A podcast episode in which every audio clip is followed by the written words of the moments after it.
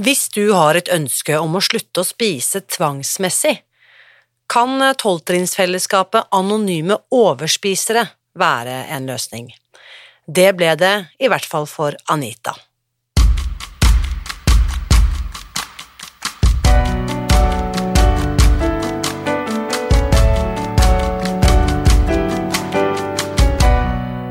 Mitt navn er Irina Lie. Jeg er journalist og forlegger, gründer og sosial entreprenør. I 2015 spiste jeg meg fri fra overvekt og fedme etter å ha slitt med vekt, kropp og følelser i nesten 30 år. Etter at jeg knakk koden, ga jeg meg selv et nytt oppdrag – å dele denne kunnskapen med alle som trenger det. I denne podkasten kan du derfor høre hele lydboken Spis deg fri, den finner du ved å bla deg tilbake i arkivet og lytte til første sesong. Hver uke inviterer jeg nå gjester som gir deg påfyll til hodet, hjertet og magen. For min visjon er å endre Helse-Norge, og det får jeg ikke til alene. Du bidrar ved å abonnere på podkasten, skrive en omtale i iTunes og tipse meg om hvem jeg burde invitere hit. Da setter vi i gang med ukens episode. I årets aller siste episode og den siste episoden i sesong fem av denne podkasten skal vi snakke om et eh, stort tema, nemlig tolvtrinnsfilosofien, som eh, også utgjør en viktig del av verdigrunnlaget for Spis deg fri. Anita, som du skal få møte i ukens episode, blir kun omtalt med fornavn for å ivareta hennes anonymitet. Fordi anonymiteten er jo et viktig prinsipp i alle tolvtrinnsfellesskap, deriblant anonyme overspisere, som du skal få høre mer om i dag. Her er ukens gjest. Kjære Anita, tusen takk for at du ville være med i podkasten. Takk for invitasjonen, da. Nå er det jo faktisk flere måneder siden jeg sendte en eh, forespørsel til servicekontoret til eh, OA eh, for å høre om er det noen hos dere som jeg kan få lov til å intervjue til podkasten. Og nå sitter vi her noen måneder senere og skal ha denne samtalen. Mm. Um, og jeg har jo veldig god kjennskap til både tolvtrinnsfilosofien og OA, selv om ikke det er mine, mitt hjemme eh, møte, da, eller min hjemmegruppe. Men for de som ikke kjenner eh, eh, OA, eh, Anita, hvor skal vi begynne? Hva er det vi kan eh, Kan du begynne med hva, hva står forkortelsen for? Forkortelsen OA, ja, den står for Anonyme overspisere. Um, alle har hørt om AA, anonyme alkoholikere. Og, og, OA er et, et, et likt fellesskap for oss som har spiseforstyrrelser, eller som spiser tvangsmessig. Mm. Som ikke klarer, uh, klarer å spise sånn som vi ønsker. Ja. Eller nå, nå jeg for meg selv, og ikke, ikke bruker vi, men, men, det var det jeg følte. Jeg klarte ikke å, å spise slik som jeg ønska. Mm. Uh, og det hadde jeg prøvd å gjøre i 30 år. Um, men så fant jeg dette fellesskapet, da, for OA er et fellesskap uh, hvor, hvor, vi um, deler den samme spiseproblematikken. Mm. Eller, eller, jeg må også si at det, det er et fellesskap for, uh, for alle spiseforstyrrelser. Det er ikke bare det at, uh, at man overspiser, men, men, det er også underspising um, overtrening, altså kompensasjon for at man uh, spiser uh, feil, eller spiser mm. som man ikke ønsker. Og ja. kan jeg da spørre deg om um, Og hvis noen skulle lure, ikke sant, dette at det er anonymt, det er jo utrolig viktig, og kanskje det viktigste prinsippet i hele tolvtrinnsfilosofien. Så nå bruker vi eh, Har gitt deg et fornavn, eh, slik at eh, du på en måte ikke er identifiserbar. Så vi bare understreker at du er ikke noen representant eller noen offentlig leder eller noen sånn eh, talsperson for OA i Norge, du er bare Anita, og du snakker på vegne av deg selv. ja, det er riktig. Kan ikke du fortelle litt, eh, Anita, hvordan, eh, hva slags forhold har du hatt til eh, mat? Hva slags historie har du med deg? Mm, Det har vært komplisert siden jeg var veldig ung. Um, slanka meg i 30 år. Mm. For jeg trodde jo det at bare jeg ble tynn nok, så skulle alt bli bra. Så, så det handler om, eh, om slanking i 30 år. Slanking, og så legge på meg igjen. Eh, slanke seg på nytt, legge på meg igjen. Og jeg prøvde alle mulige slags eh, metoder som jeg klarte å finne. Det er vel ikke noe som var utprøvd, tror jeg, da jeg kom til OA. Mm. Ja, så altså, det var mitt forhold til mat. Altså, forholdet til mat var komplisert lenge før jeg fikk en usunn kroppsvekt. Ja, godt Eh, poeng. Så du, selv når du var Altså selv når du var slank, eller før du på en måte hadde rukket å legge på deg, så hadde du eh, denne usunne bindingen til mat. Ja, Mm. helt klart. Jeg, hadde, jeg, jeg ser på gamle, gamle bilder av meg selv, så ser jeg at jeg hadde en normal kroppsvekt i mange av disse årene her. Eh, men jeg var fryktelig misfornøyd. Fryktelig misfornøyd med utseendet mitt, egentlig med meg selv. Mm. Ikke bare det jeg så i speilet. Mm. Da brukte jeg mat. Og hvorfor er eh, For de som ikke kjenner til spise For jeg vet jo, ikke sant, nå, nå Vi snakket jo så vidt sammen her nå før vi satte, satte i gang opptaket. jeg vet at du ikke kjenner til prinsippene for Spis deg fri, og heller ikke eh, med overlegg har valgt å la være å høre på denne podkasten før du selv er gjest, så det er jo interessant. Det er jo ikke alltid jeg snakker med gjester i denne podkasten som ikke vet nødvendigvis alle hva skal vi si, detaljer rundt denne metoden, men jeg kan jo fortelle deg, Anita, at sier ofte at Spis deg fri-metoden er basert på flere ulike filosofier eller metodikker, og en veldig sentral del eh, er jo tolvtrinnsfilosofien. Eh, og Susan Pierce Thompson, den amerikanske psykologen som har skrevet den amerikanske utgaven av boken, som der heter Bright Line Eating, og utviklet hele konseptet Bright Line Eating, hun baserer jo blant annet matplanene sine med matplaner for eh, anbefalt for vektnedgang for kvinner og menn, og også matplaner for vedlikehold. Det er basert på noen tolvtrinnsgrupper i USA som eh, het Grey Sheeters og eh, Food Addicts Anonymous, som er på en måte, om ikke forløpere for OA, så kanskje vi kan kalle dem for søstre eh, eller brødre til eh, OA. Um, og så Hun fortalte hele historien en gang om hvordan det har vært eh, mange kontroverser innad i ulike tolvtrinnsfellesskap, og hvordan noen mener at man ikke skal ha fastlagte matplaner, for at det kan trigge, mens andre mener at det er det som gir meg friheten. Det at noen forteller meg, noen andre enn meg selv, forteller meg hva jeg skal spise til enhver tid. Hvordan er det i eh, Og jeg, jeg, uten at jeg har vært eh, eh, Jeg vil jo tippe at dette også kanskje praktiseres litt ulikt i ulike fellesskap innen OA òg. Det finnes jo ingen matplan der sånn sett. Nei, det er riktig. Vi, OA promoterer ikke én spesiell matplan eller én gitt diett. Um, men det anbefales å bruke en spiseplan. Spiseplan er, en, er et av flere redskap som, eh, som vi bruker. Og det er, den er individuell. Den, eh, den lager jeg selv. En spiseplan som passer for, for meg og min kropp og min aktivitet. Um, og det er eh, som om du lager deg en plan for dagen. Det er, det er en handlingsplan for det som finnes i kjøleskapet. kan jeg si. En handlingsplan for det som skal puttes inn i munnen. Uh, og den er individuell fra person til person. Da. Mm. Um, når, når, dette, når dette er vanskelig, eller hvis dette er nytt for noen, så, så kan det være fint å, å bruke en ernæringsfysiolog. Ja. Hvis, hvis man aldri har, eh, aldri har eh, holdt på med spiseplaner før. Mm.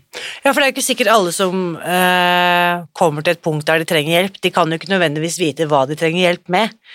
Eh, så det er et kjempegodt poeng å oppsøke kvalifisert personell som kan hjelpe deg med å sette opp en Mm. plan som kan funke for deg. Så hvor lenge siden er det du da Hvordan finner du OA? For dette er jo på en måte litt sånn hemmelige hva skal vi si, hemmelige rom. Det er, jo ikke, det er jo ikke noe du lærer om på skolen, eller du får jo ikke vite om det hos fastlegen din hvis ikke du har en veldig klok fastlege. Da. Hvordan, hvordan fant du OA? Ja, det var jo veldig heldig. Jeg gikk i samtaler eh, hos en terapeut. Um, altså, og dette er Jeg gikk jeg gikk i samtaler for, uh, for uh, ruspårørende. Ja. Så han, han terapeuten her, han kjente til flere tolvtrinnsfellesskap. Og når jeg prata med han om hvor vanskelig livet mitt var, um, også som ruspårørende, men hvor, hvor, hvor mye klussa til for meg selv Jeg brukte jo, brukte jo maten som jeg, jeg kjente jo at det var jo selvskading for meg, slik jeg Mm. brukte maten. Og han, han samtaleterapeuten her, han kjente til OA, så han spurte meg har du hørt om OA. Eh, nei, det hadde jeg jo ikke. Så, så takket være han, så klarte jeg å finne informasjon på nettet, Fantastisk. og oppsøkte, oppsøkte grupper. da. Ja. Og eh, kan jeg spørre da, hvor lenge siden er dette? Dette er Blir det snart fire år? Jeg lurer på om det er tre og et halvt år siden. Ja. Og nå er du 50, så du er en godt voksen dame før du på en Ja. måte finner fellesskapet.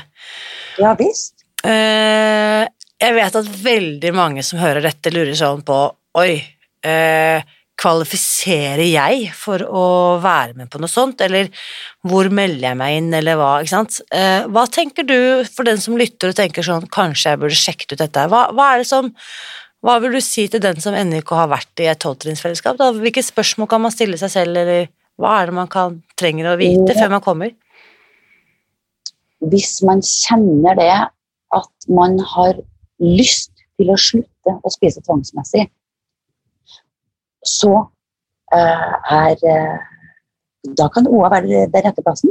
I hvert fall er du hjertelig velkommen til OA hvis du kjenner at du vil slutte å Mm. spise tvangsmessig. Og da lurer noen på men hva betyr tvangsmessig da?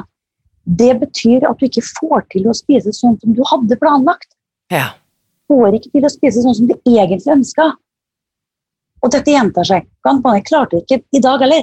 Klarte ikke denne gangen heller. Men jeg starter på mandag. Eller Mm. det tenker mange som har tenkt. At de får starte på nytt igjen. Får starte på nytt igjen. Når dette gjentar seg mange ganger, så kan det hende at man spiser tvangsmessig. Har du lært noe om din egen eh, tvangsmessige spising etter at du kom inn, eller følte du liksom at du hadde god kontroll over eh, problemet ditt eh, da du begynte? Jeg har lært alt om dette etter at jeg kom inn. Ja. da, for da jeg, da jeg kom til OA, så eh, så trodde jeg fortsatt at, at jeg, jeg skulle fikse det alene. Det var bare å ta seg enda mer sammen. Mm. Eh, skjerpe seg enda mer. Trene enda mer. Knytte nevene, få enda mer hvite knoker, kjempe hardere. Eh, og, og være sterkere. Jeg visste ikke det da at jeg ikke kunne klare det alene. Eh, jeg ville bare komme på et møte, eh, gå et kurs eh, kanskje, eh, lære dette litt kjapt, og så skulle alt løse seg. Gå inn, få oppskriften, ta med deg den hjem igjen, og så fikse det på egen hånd hjemme hos deg selv, det alene. Og så ble bare, bare slank om to måneder. Ja. Eh, og da var jeg ferdig, tenker jeg da. Ja. Så, så jeg har lært om, eh, om min tvangsspising. Alt jeg har lært etter til kontoret. Mm. Og Hvilke etter at jeg har fått en sponsor. For at en sponsor, eller kaller det mentor eller en fadder, eh, er veldig, veldig fint å ha. eh, Fordi at eh, da jeg skulle begynne å jobbe med de tolv trinnene, tolvtrinnsprogrammet, så er det jo fryktelig vanskelig å gjøre alene. Det det gjør jeg aller best sammen med en sponsor. mm. Og der, der har jeg lært der har jeg lært alt om min tvangsmessige spising. Mm. Og sant, Vi snakker om tolvtrinnsfilosofien, eller tolvtrinnsprogrammet, og det er jo sånn som du er inne på, Anita, tolv trinn de går gjennom. Mm. Uh, og det er veldig mange som begynner å se på de tolv trinnene og bare tenker sånn dette kommer jeg ikke til å fikse. Og be om unnskyldning. Nei, det her, nei, det her går ikke. Det. Og så lar de være å begynne. Det er i Mm. hvert fall min erfaring. Jeg ser nykommere som blir litt overveldet, da. Ja. Uh, og det som er så fint, er at det er tolv trinn. Så man kan ta ett trinn om gangen. ja da. Og man kan bruke ganske lang tid på ett trinn òg. Ja, jeg, ja, Mange måneder på ett trinn. ja, jeg også. Jeg brukte flere år jeg, på å fullføre hele tolvtrinnsprosessen. Altså Ja. ta alle tolv trinnene. Mm. Mm. Og, og da sier jeg fullføre som om det nå ligger bak meg, for det er jo ikke sånn. Jeg tar jo stadig vekk mitt første trinn på nytt. Ja. Det er liksom der, du vet, stigespillet, og så har vi klatret og klatret, og så drutsch, og så Ja. tilbake til start. Ja. Hvordan har den eh, reisen vært for deg? Hvordan har stigespillkarrieren for deg vært, eh, Anita? Kom du inn for fire, tre og et halvt, fire år siden, og så har du på en måte vært eh, perfekte tolvtrinnsmedlem siden, eller hvordan ser det ut? Det ser ikke sånn ut, i hvert fall, som du beskriver til slutt her. Eh, nei, det var eh, kronglete, og det var mest kronglete i starten. Um, i- et, det første året gikk jeg på møter og trodde at jeg skulle bli fri fra, fri fra den tvangsmessige spisinga bare ved å gå på møter. Eh, det skjedde ikke da, Eh, for at jeg hadde ikke begynt å jobbe med trim da. Og det, året så gråt jeg mye på møter, jeg var fortvila, hadde sjokolade i bilen, spiste den før møtet, spiste den etter møtet. Mm. Eh, så det var tøft. Og så fikk jeg meg sponsor og begynte å jobbe trinn. Da var det også opp og ned av stigen. Mm. Fordi at eh, eh, jeg pleier å beskrive det litt sånn som at å jobbe med det tolv trinnet er som en For meg var det som en grundig, grundig selvutvikling. Og det kan jo gjøre litt vondt. Det gjorde, det gjorde ganske vondt for meg. Eh, det var ikke sånn at alle de tolv trinnene og hele prosessen var vond, men deler av den var smertefullt. Og jeg, jeg måtte se på sider ved meg selv som eh, som jeg ikke likte i det hele tatt. Og da ramla jeg ned stigen. Da spiste jeg på nytt. Sprakk gang på gang. Mm. Hadde, tok tilbakefall. Um, men, men det gode er at dette varer ikke. Da. Altså, det er en utviklingsfase. Ja. Og min sponsor sa, det at det, særlig fjerdetrinnet, som er den store selgeransettelsen, hun sa til meg Anita, jeg elsker fjerdetrinn, det er kjempebra. Og så skulle jeg begynne å jobbe med det. Og jeg var så sint på henne da. Hvordan kan hun si at hun digger fjerdetrinnet? Å, jeg var så sinna! Mm. For her, eh, var det, her var det mange eh, trinn ned i stigen, da, som du sa. Mm. Det Men det gode er at du kommer ut på andre sida, og eh, kommer ut på andre sida med en ro og med en fred som jeg ikke har hatt før. mm. Fordi dette her må vi jo snakke om, nemlig eh, det du beskriver, jeg- jeg sitter og tenker på sånn sommerfugl, ikke sant? En sånn som går fra å være en eh, puppe, larve, til å bli en puppe, og så må den bryte ut av det der skallet sitt. Og det er vondt, da. Det er, eh, det er voksesmerter. Jeg kan veldig kjenne meg inn i det du beskriver. Ehm, eh, Den derre eh, Altså, må vi virkelig ned i alle de mørke rommene og de innerste krokene av det jeg har forsøkt å legge lokk på, som jeg har spist meg vekk fra, eller drukket meg vekk fra, eller eh, datet meg vekk fra, eller alt hva det måtte være av atferd jeg har hatt da, for å slippe å føle, må vi virkelig ned og se på all den skiten der? Altså, dette kan jo umulig være bra.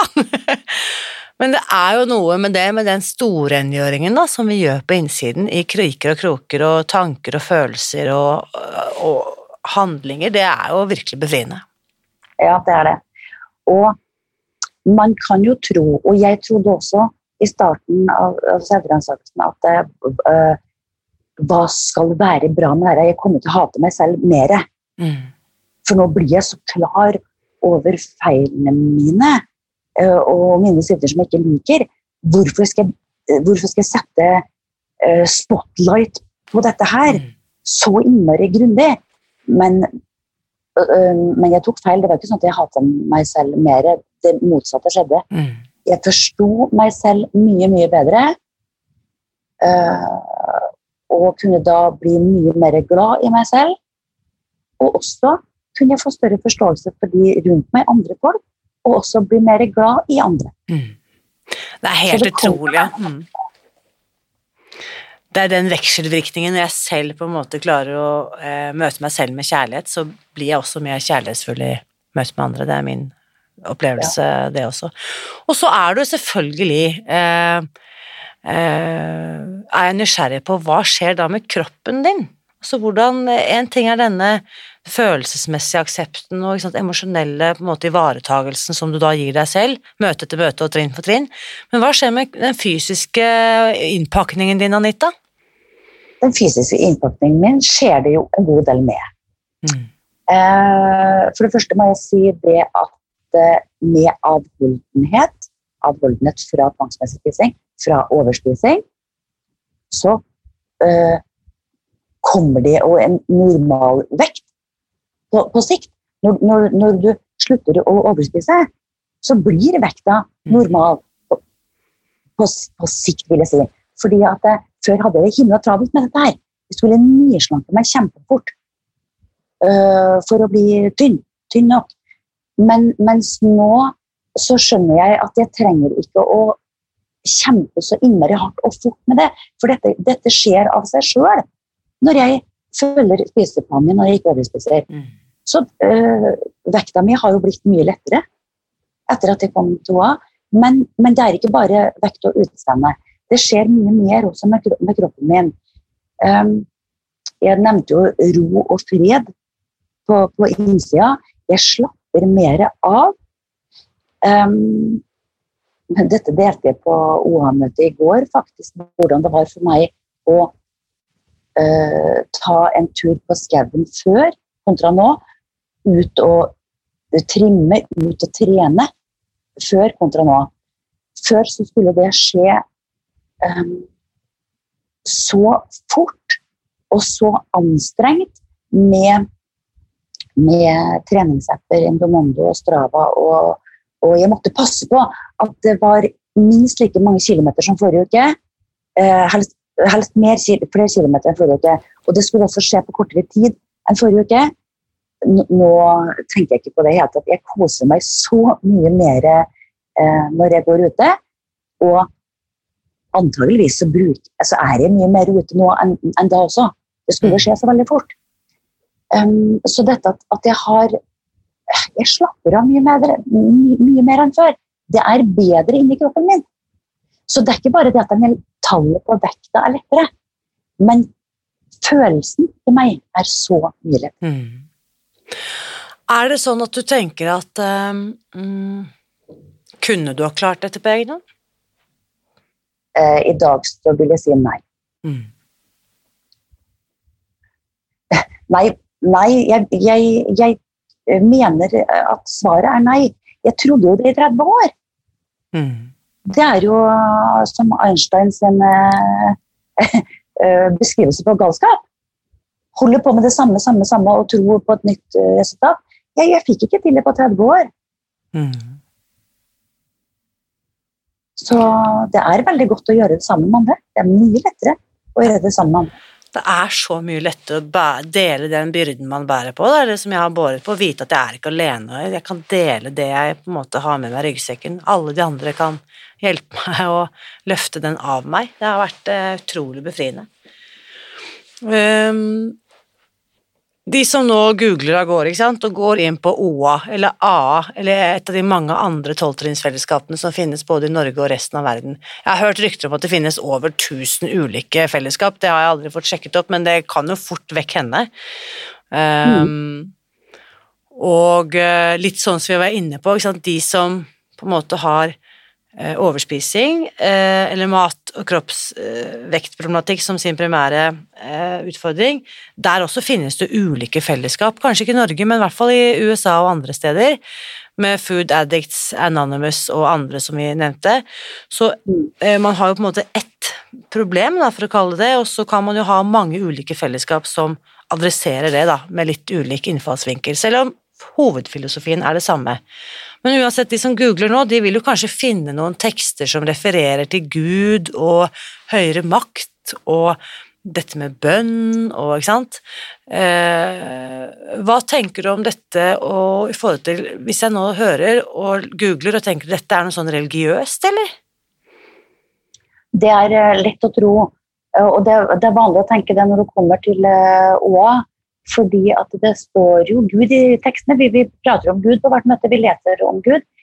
Eh, og så Da jeg kom uh, til OA, så syntes jeg det var kjemperart. Og så sitter de her og sier at det ikke er religiøst. eh, tenkte jeg. det kan jo ikke være sant, for vi leser om Gud. Um, og så ble jeg jeg ble litt sinna over det òg. For jeg, jeg, var ikke religiøs, og er ikke det nå heller. Så jeg ble litt eh, provosert av det her. Men ok, da jeg får gi det en sjanse, tenkte jeg. Uh, og etter hvert, så, etter hvert, så, skjønte jeg at uh, dette eh, handler om åndelighet, og åndelighet er ikke det samme som religion. Dette er ikke et religiøst program, men det er åndelig. Mm. Og da ble det mye lettere for meg. Fordi at jeg har mange ganger kjent på en åndelighet. Og, og jeg kunne jo linke det til yogarommet. Fordi at jeg hadde gjort yoga i, flere år. Og der i yogarommet så kjente jeg så tydelig at jeg er en liten del av noe mye, mye større. Yogainstruktøren prater jo om universet, om alle skapninger på jorda. Og når jeg kommer ut av yogasalen, så er jeg så i orden. Da er jeg fullstendig i orden. Og jeg tenker at nå kan alt skje. Jeg kommer til å fikse alt. Mm. Så godt er det eh, etter en yogatime, etter å ha fått en god kontakt med, med det åndelige. Mm. Eh, sånn at når jeg kom til OA, så kunne jeg linke dette her til til yogarommet. Um, sånn at i, i, starten, da når jeg leste ut, så tenkte jeg bare på universet. Ja. Eller, og noen, noen, noen, sier at de tenker på en stjerne. Eller noen sier at de tenker på, tenker på min, min, far som er død, som er i himmelen. Man kan egentlig henge det på mm. Åndelighet kan man henge på mye. Mm. Men det handler ikke om en religion. Det gjør det. så, jeg syns dette var kjempegodt forklart, og øh, jeg hadde akkurat samme reaksjon da jeg kom til øh, fellesskapet for øh, ja, ni år siden, desember for ni år siden, hvor det var da dette herre Shit, banditt, er dette noe sånn sektgreier eller noe religion, og jeg, kommer de til å forsøke å frelse meg, og liksom, hva skjer her inne? Og da liksom, når noen sa dette med at jeg overlater min vilje til uh, Gud, eller min høyrebakt, eller Gud slik jeg velger å definere han, så var det en som sa til meg, eh, eller delte på et møte jeg deltok på veldig tidlig, at vedkommende definerte gruppen, gruppesamvittigheten. Det kunne være en slags høyere makt. Det at jeg har et møte å gå til hver uke, det er ikke noe jeg kan kontrollere. Jeg har ikke liksom invitert alle de som sitter i den ringen jeg vet ikke hvem de er engang, men det at det er et møte og et fellesskap av kvinner og menn som kjenner på de samme utfordringene som meg, det er noe, det er noe som er større enn meg selv. Det, kan, det, det kunne jeg liksom logisk være med på. Og så måtte jeg bygge på en måte min åndelighet uh, ut ifra det, da. Mm. Så um, hvordan er det du introduserer deg i et uh, OA-møte? Vi har jo sett dette på filmene. ikke sant? Hei, jeg heter uh, Bill, jeg er alkoholiker. Uh, hvordan, mm. Hva er introduksjonen i et OA-møte? Det er litt forskjellig, fordi at uh, vi, vi favner OA favner alle spiseforstyrrelser, eller forskjellige spiseproblematikk. Så, så, noen kan si Jeg kan si Eh, hei, jeg heter Anita, jeg er anorektiker. Eller eh, det var et eksempel, for jeg pleier å si hei, jeg heter Anita, jeg er en tvangsspiser. Fordi at eh, Og noen sier bulemiker, noen sier overspiser, tvangsoverspiser. Man kan også si hei, hei, jeg heter Anita, jeg er avhengig. Ja. Mm. Men, men tvangsspiser pleier jeg å, mm. å, definere meg som. Fordi at det det er i begge retninger, både underspising og overspising. Og jeg har eh, virkelig holdt på med begge deler. Mm. For etter en periode med overspising, så har jeg underspist hardt. Kompensert hardt. På hjemmesiden deres, vi må eh, bare husk å nevne nettsiden. Hvor er det jeg kan finne informasjon om OA? Hva er det enkleste stedet hvor jeg kan finne informasjon? anonymeoverspisere.no. Anonymeoverspisere i ett ord. .no. Yes. Og der kan man både lese de tolv trinn som gjelder for dette fellesskapet, og også se møteoversikt for hele landet. Hva hvis Ja. det nå er sånn at jeg bor et sted hvor det ikke er eh, et møte? Eh, kanskje jeg er på et tettsted hvor jeg helt garantert vet at det ikke er noe møte, aldri hørt om det, og det ville jeg visst. Finnes det noe, har dere noen online-møter eller andre? Mm. Det finnes. Eh, det har alltid vært, eh, eller alltid mange, mange år vært telefonmøter hver søndag. Eh, nå har vi jo hatt en pandemi da, lenge, så nå har det jo vært mye Zoom-møter. Noen grupper har fortsatt brukt fortsatt Zoom også. Så pga. pandemien så er det enklere enn før faktisk å få være med. Møter. Det, er, det, er, det er en positiv effekt jeg faktisk ikke har tenkt på. Um, at dette har nedstengninga kanskje gjort dette enklere for folk å finne frem til på nettet.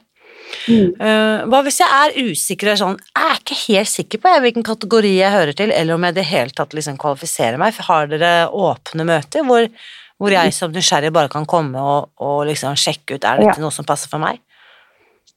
Ja da, det er åpne møter. Og man er hjertelig velkommen hvis man er nysgjerrig og lurer på kan det være noe for meg, eller er usikker. Så er man hjertelig velkommen. Mm. Og um, da kan man ta kontakt med den gruppen på Ta kontakt med en av de gruppene som står på nettet, og så finne ut når er det for møte. Um, det kan være én gang i måneden, eller eh, det, det varierer litt. Og, og antageligvis så er man velkommen selv om det ikke er åpent møte. Ja. En, en nykommer er alltid velkommen. Ja, og det er jo Her kommer vi til liksom det vi snakker mye om i, tolvte 12. trinn, ikke sant? om dette som du eh, er med på å bidra til nå, nemlig det å gi det videre, praktisere service. Eh, At jeg kun kan beholde det jeg selv har fått ved å gi det videre. Hvordan ser dette ut for deg i ditt liv, Anita? Hvordan, eh, hvordan er du med å gjøre service i, eh, i OA-fellesskapet i dag? Ja, det kan jeg gjøre på mange måter.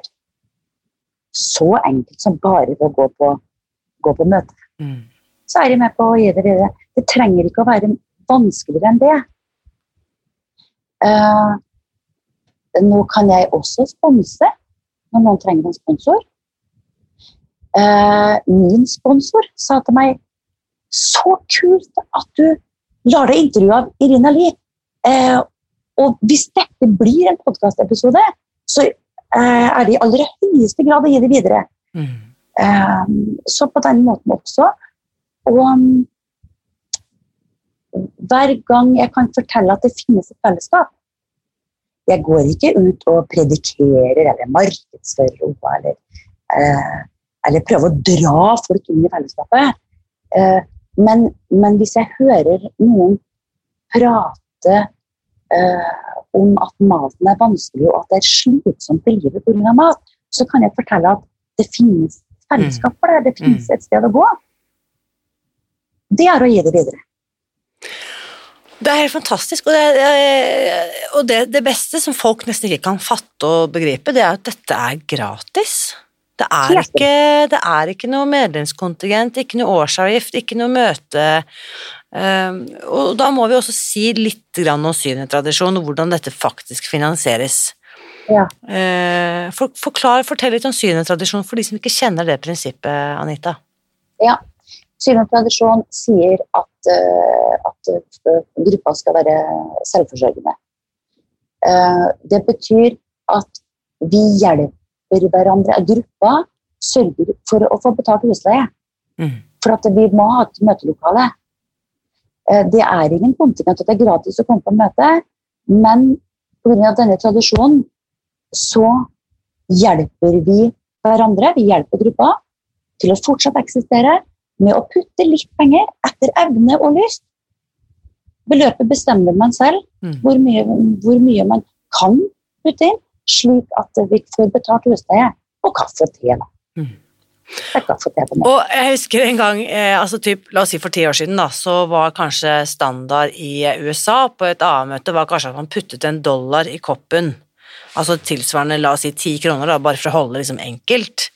Uten å tenke så mye på dollarkurs. Mens nå har jeg hørt, jeg hørte av en venninne sa at det, nå er dette liksom anbefalt, eller hvis man vil ha noe som helst retningslinje, er liksom at tre dollar er en fin sum. Så da, for eksempel. Eh, men dette er jo, som vi begge har vært inne på, ikke noe obligatorisk, men det ligger i den størrelsesorden.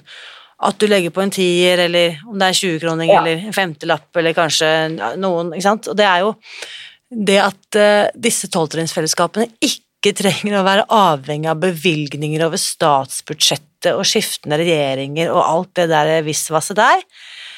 Men at jeg kommer og deltar ved å gjøre service, kanskje koke kaffe før møtet starter, være med å rydde opp og rydde, sette stolene på plass igjen når vi går, legge inn en tier eller en femtelapp eller hva, hva som føles ok, og vite at jeg kan komme tilbake til møtet selv om jeg heller ikke eier nåla i veggen og bare trenger noen å snakke med. Mm. Ja, så enkelt er det, eh, og det er sånn fellesskapet fungerer. Mm.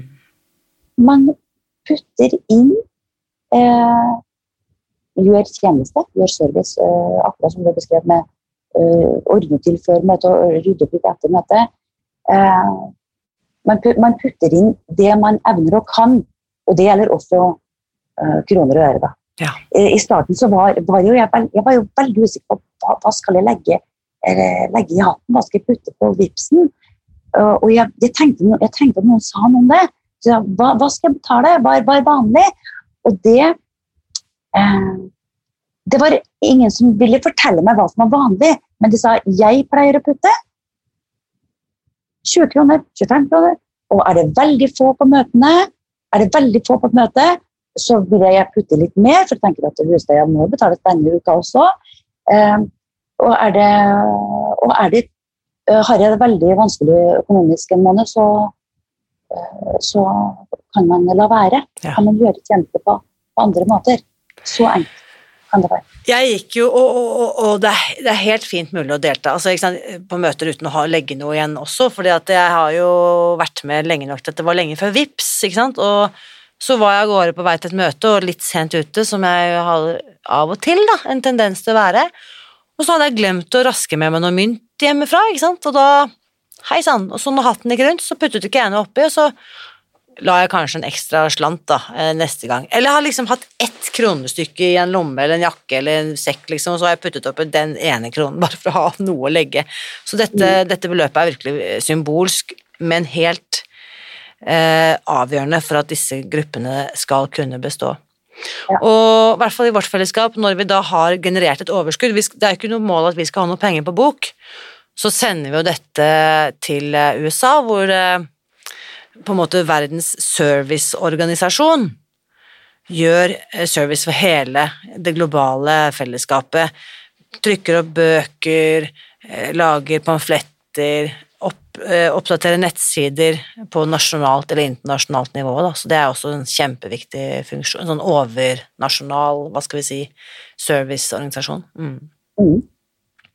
Så um, hva vil du si til den som nå lurer på, kanskje, kanskje til og med, eh, tenker jeg da, jeg husker første gang jeg hørte om tolvtrinnsfellesskapene, jeg følte litt sånn ubehag, at jeg følte at det traff meg veldig. Eh, først litt sånn hvorfor har ingen fortalt meg om dette før, og så det ubehaget at dette er jo meg. Eh, hva hvis den som hører dette, Anita, hva vil du be han eller hun, hva kan han eller hun gjøre? Kom på et møte og hjertelig velkommen på et møte. Kom og se om det er noe der du liker. Kanskje er det noen der som har noe du har lyst på, som du kan lære fra. Mm. Eh, kom på et møte og se. Dette er ingen quick fix, sånn som jeg søkte før. Jeg søkte quick fix hele tida. Eh, men, men det, er, det, finnes en løsning. Mm. Og det virker. Å, det virker. Og jeg bare digger det der det er så mye kraft, og det er så mye håp, og det er så vanvittig mange gode rollemodeller rundt oss, ikke sant? Uansett hva utfordringen vår måtte være, som har gått veien før oss. Så jeg vet at dette er ikke umulig. Dette er uh, mulig. Um, Og det også nå, når det kommer en nykommer på møte, og jeg ser liksom det usikre blikket, og ja, en annen tanke som jeg vet i hvert fall jeg kunne kjenne på, er liksom shit, hva hvis jeg møter naboen? Eller hva hvis jeg møter en kollega, eller hva hvis jeg møter noen som vet eh, hvem eh, faren min er, eller søsteren min er, eller ikke sant, alt dette greiene her. Eh, Har du kjent på det, den tanken noen Ja. gang, Anita? Ja da. Og det er vanlig at det ligger mye skam på dette her. Mm. Eh, Det gjelder eh, kanskje for alle tolvtrinnsfellesskap, om man er i OA eller AA eller NA. eh, Eller om man også Det, det finnes jo tolvtrinnsfellesskap for de pårørende òg. Det, det er jo vanlig at det er skam overalt.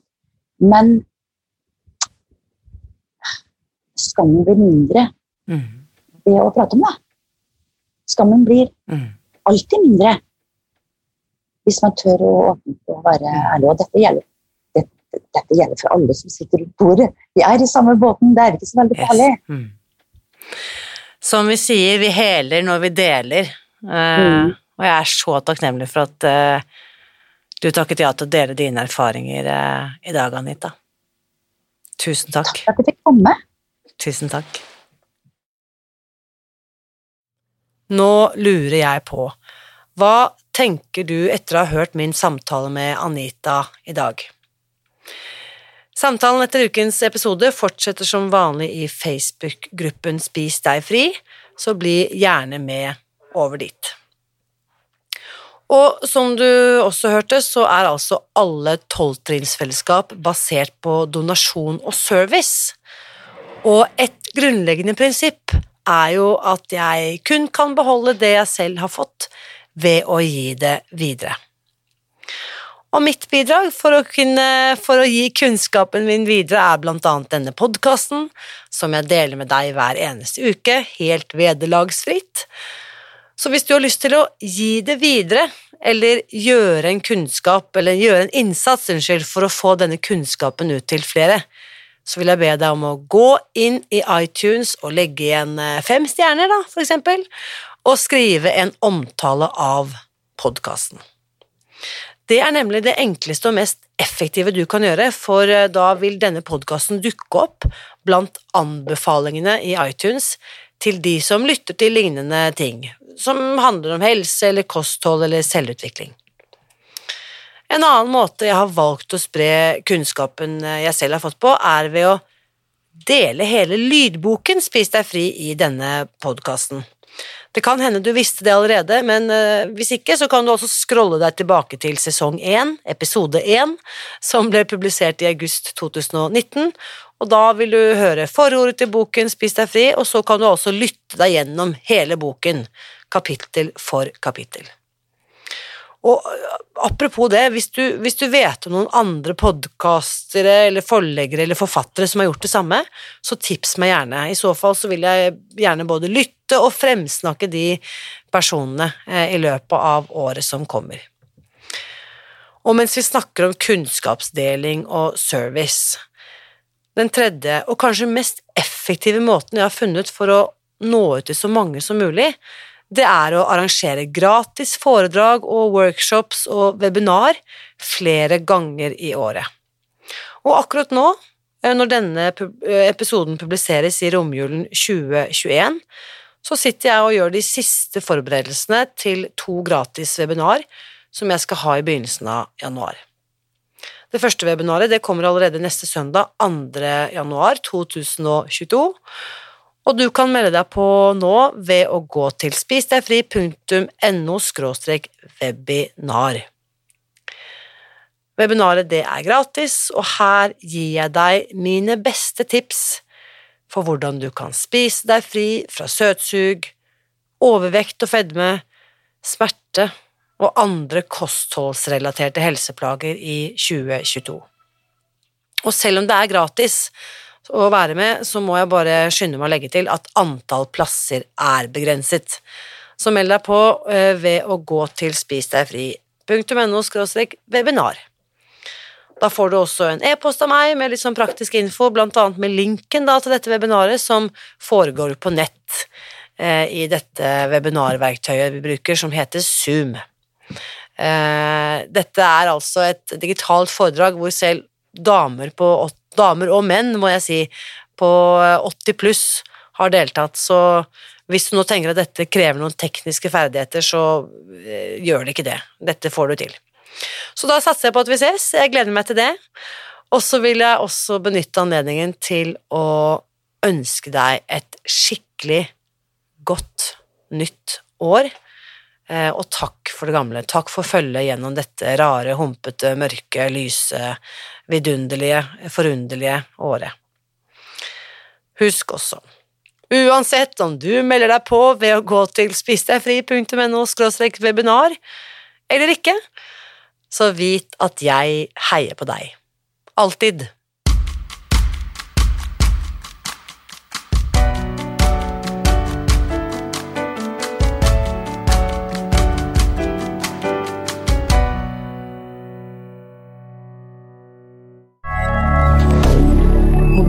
rien.